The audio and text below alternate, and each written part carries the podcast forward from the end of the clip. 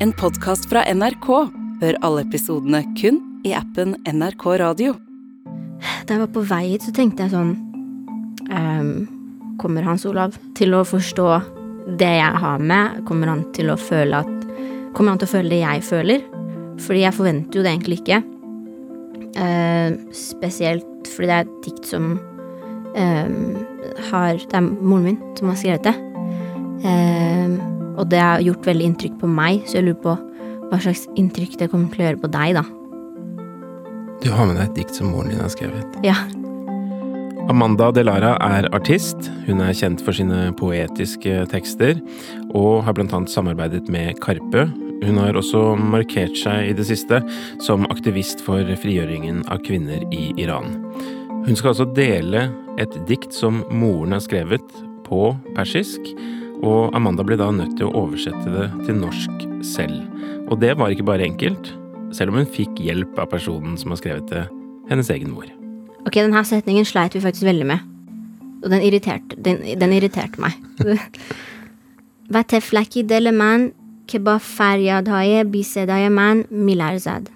Og det er setningen eh, hvor hun sier eh, Og stakkars mitt hjerte, som pleide å skjelve av mine stille skrik. Jeg har alltid trodd sånn lenge at jeg og mamma ikke har så mye til felles. Jeg er på en måte hun kreative i familien, og alle andre er veldig sånn akademiske.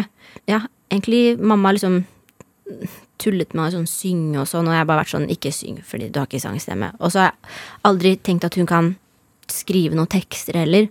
Men så eh, var det vel typ et år siden hvor hun sa til meg sånn Du, jeg har et dikt som jeg skrev på, på ungdomsskolen. Denne, det her diktet fikk jeg faktisk pris for. Så der sto du, og så skjønte du plutselig at, eh, at moren din var en person som, som hadde skrevet dikt. I hvert fall ett. Masse. Masse. Hun pleide å skrive masse. Det visste jeg ikke. Så mamma har jo bodd i Sverige også mange år før vi flytta hit, så hun blander jo ofte sånn, eller ikke nå lenger, men før kunne hun blande litt svensk grammatikk i norsk. Ehm, og da er det sånn veldig lett for meg å tulle med det og liksom gjøre litt sånn narr av det, da. Det er kanskje noe vi um, andre generasjons kids gjør med foreldrene våre. Vi er litt sånn ha-ha, du sier pulse og ikke pølse, liksom. Sånne ting.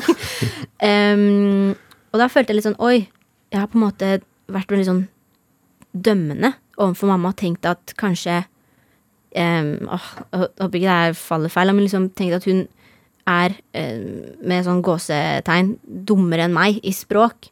Men så innser man sånn Hun er jo genial, eh, men hun er bare ikke Men hun er ekstremt flink på persisk. Og det er jo en enda større bragd, fordi det er et veldig vanskelig språk. Da hun var yngre, sånn på ungdomsskolen og videregående i Iran, så pleide hun å skrive mye dikt. Og jeg tror hun hadde en dagbok som hun skrev veldig mye i. Ehm, og det diktet her skrev hun på en veldig um, tung dag, da. eh, som hun hadde i Sverige. Da hun først flyttet til Skandinavia. Uh, skal vi ta diktet, rett og slett? Ja. Jeg er spent. Ja. Min gamle følgesvenn. Jeg snakker med deg, jeg skriver i deg, jeg leser deg. De skjulte hemmelighetene i hjertet mitt. Stakkars deg, som måtte stå ut med all min smerte. Og stakkars mitt hjerte, som pleide å skjelve av mine stille skrik. Nå, hva med meg? Jeg er ikke den jenta med røde kinn som i begynnelsen av denne boka skrev om forbipasserende kjærlighetseventyr. Nei, nå er jeg en kvinne som skriver til deg om livets mørke hår som blir grå. Jeg skriver til deg som en kvinne der ordet liv ikke kun har én definisjon for henne. Om en frigjort kvinne som har funnet seg selv, og som er veldig stolt over denne seieren.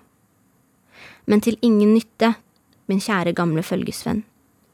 Denne frigjorte kvinnen finner ikke tilbake til språket hun pleide å skrive i deg.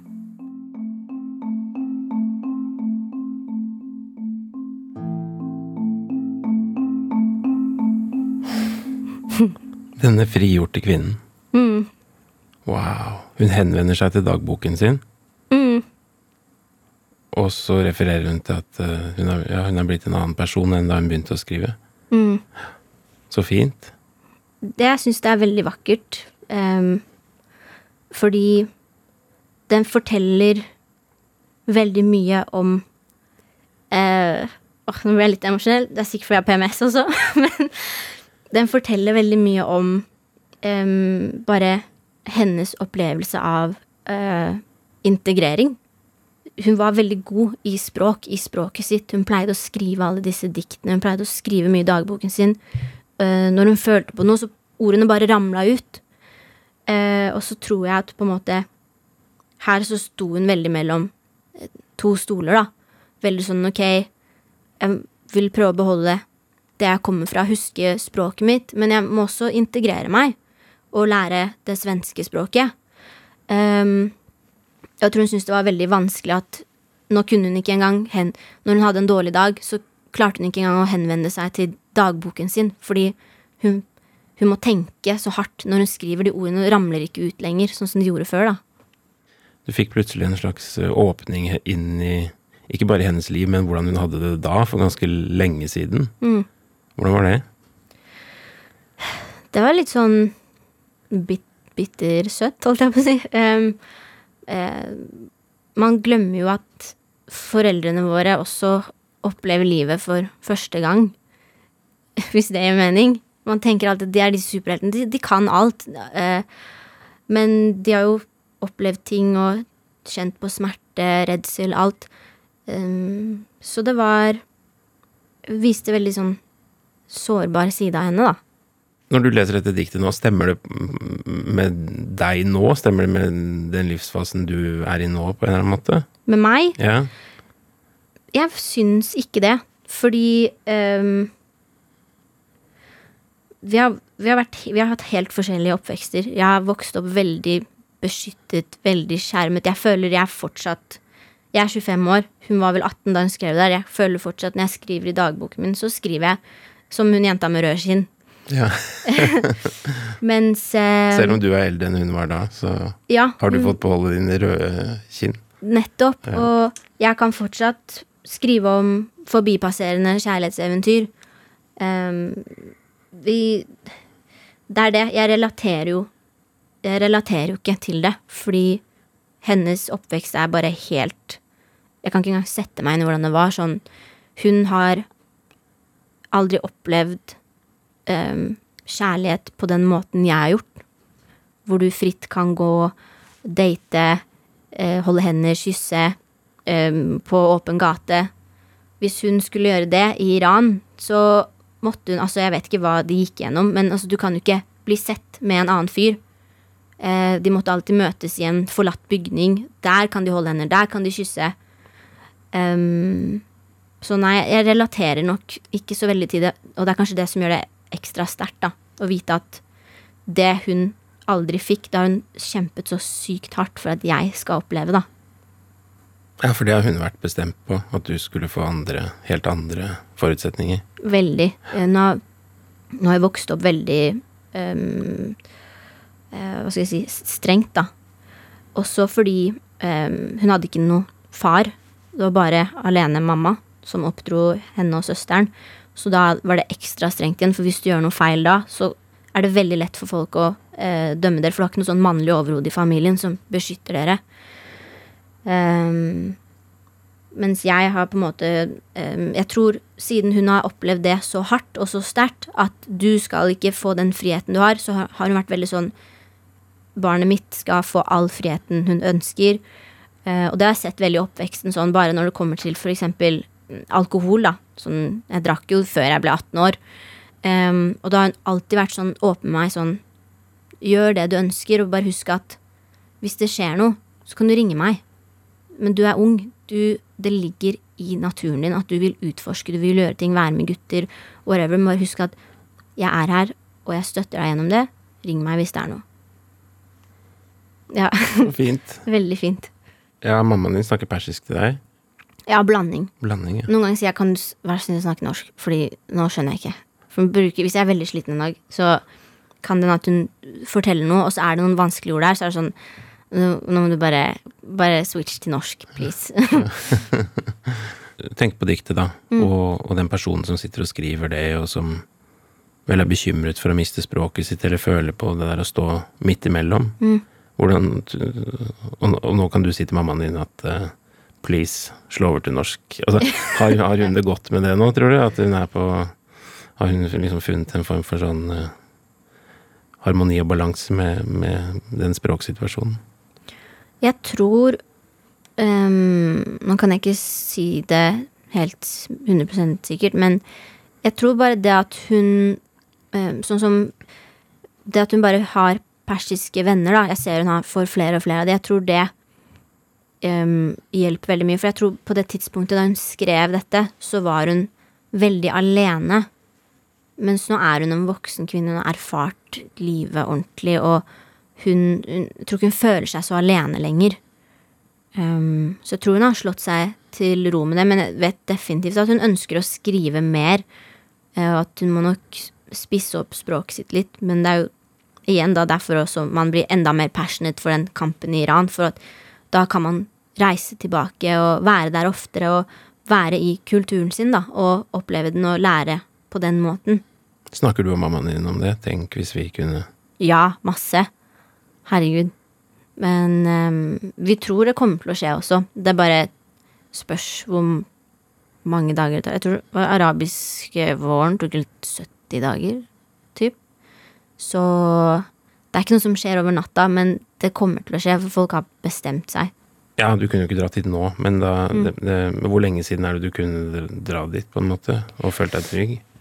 Jeg greier at i Iran så er det ikke Det er ikke lov å være artist.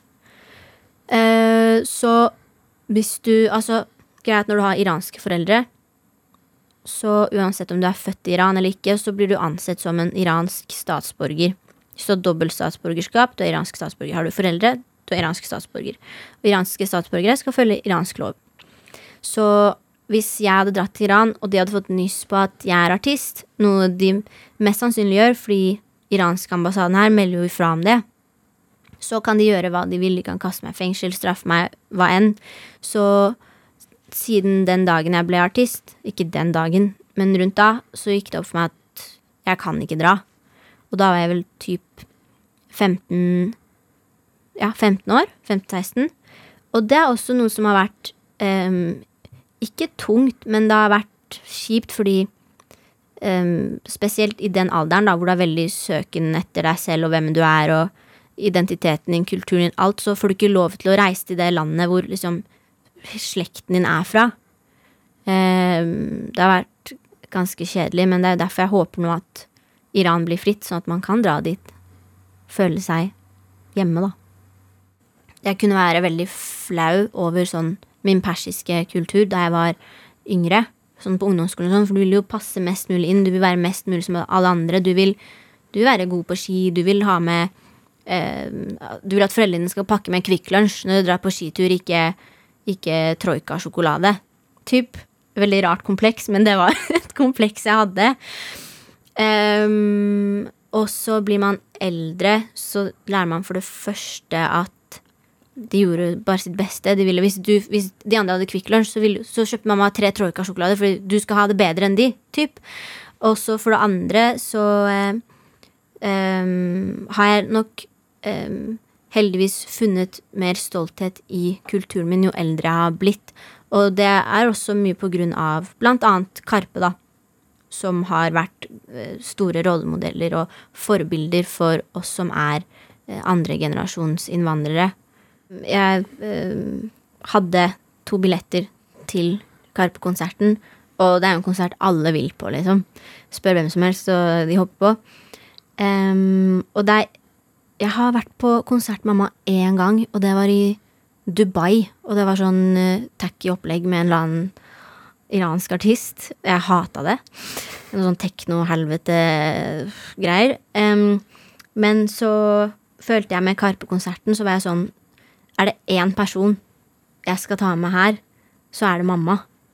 Um, ikke bare fordi at jeg ønsker å vise henne tidenes konsertopplevelse, men også fordi kanskje å vise henne noe som um, hjalp meg i oppveksten, da. Eh, noe som betydde mye for meg og gjorde at jeg søkte mer etter uh, min eh, identitet og utforska den. Eh, så jeg følte at det var noe jeg ville ta med mamma på for å kanskje knytte oss enda mer sammen, da. Hvordan gikk det, da? Det gikk uh, veldig fint. Hun det Jeg tror kanskje ti ganger ti-sju ganger under konserten hun sa 'Best concert ever!' Tom, tomlene i været. Beste konserten ever! så hun koste seg. Og det var kult, fordi det var også sånn Før konserten så var det sånn skjermer med Med Nå ble jeg rørt igjen. Åh, det var bare så fint at hun kunne relatere. Men før konserten så var det sånn eh, De hadde sånn små skjermer over hele Spektrum med sånn eh, klokker hvor det sto klokkeslett. Eh, og så sto det på en måte by, da. Så var det sånn Bangladesh, eh, Oslo. Og så var det Teheran. Og bare det der Det er så liten greie, men bare hun så det, så var hun sånn Der, er Teheran! Ja, Teheran! Og det var så fint at hun også bare sånn før konserten i det hele tatt hadde starta, så følte mamma seg inkludert, da, og sett. Det var bare noe eh, magisk ved det. Jon, eh, Karpe har en låt med, med Jonas Benjob som heter eh, Feiroz. Baraf slash Feiroz. Og før den låta i Spektrum så på, kom det sånn video eh, på Nei, jeg husker ikke om det kom video på skjermen, men det var i hvert fall en stemme som snakket ut, som fortalte om på en måte den eh, Den sorgen man innser eh, når man blir litt eldre, med at eh, at, Eller at vi, vi eh, andregenerasjonsinnvandrere kanskje kjenner på en sånn sorg ved at når eh, foreldrene våre går bort, så mister vi på en måte det båndet vi har til hjemlandet og på en måte den kulturen eh, som er en del av oss. Altså det er like mye eh, et spor av henne da, som det er av em, en del av identiteten min. Og em, det var veldig, veldig sterkt fordi jeg sto jo med mamma rett ved siden av meg da det kom på høyttaleren, så vi sto der og gråt sammen, da. Hulka. Ja. Det var hulking, ja. Det var hulking. Fy faen, så mye har jeg ikke grått på en konsert. Og ledd. Og smilt. Det var alt på en gang. Det er, det er så viktig for meg å ta vare på det og utforske det, fordi jeg vil ikke at det skal bli borte når eh, foreldrene mine går bort, da. Med at jeg skal klare å sende det videre til mine barn, og så videre og videre. det gjør jo det at den lager en enda større stolthet rundt kulturen min og arven min. At liksom eh, moren min skrev dikt. Eh, bestemor skrev nok ikke dikt. Eh, men eh, at det ligger i familien, det er veldig sånn Jeg tror man bærer mye stolthet i det. I det ja.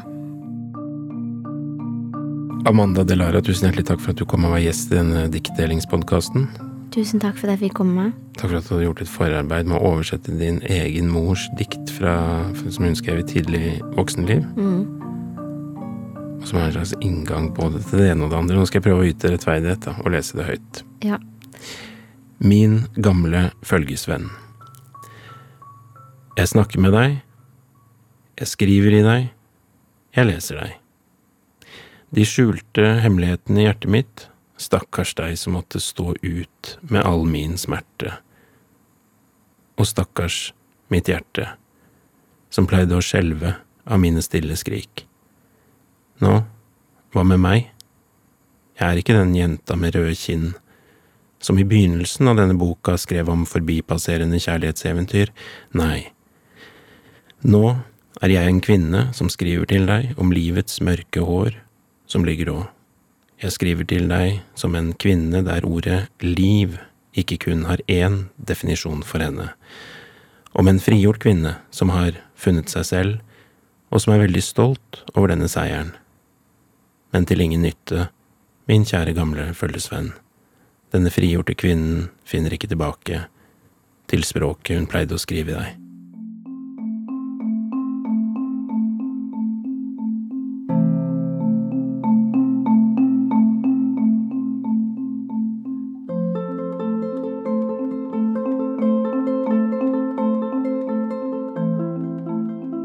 Du leste det så bra! det var kjempefint. Og tenk at mamma Tenk at hun skrev det diktet eh, da hun var 18 år gammel, og så leses det opp eh, på norsk en norsk podkast-radio i dag. Hvor sykt er ikke det? Det er veldig vakkert. Ja. Skikkelig fint dikt. Hils så mye, da. Og, og takk. ja.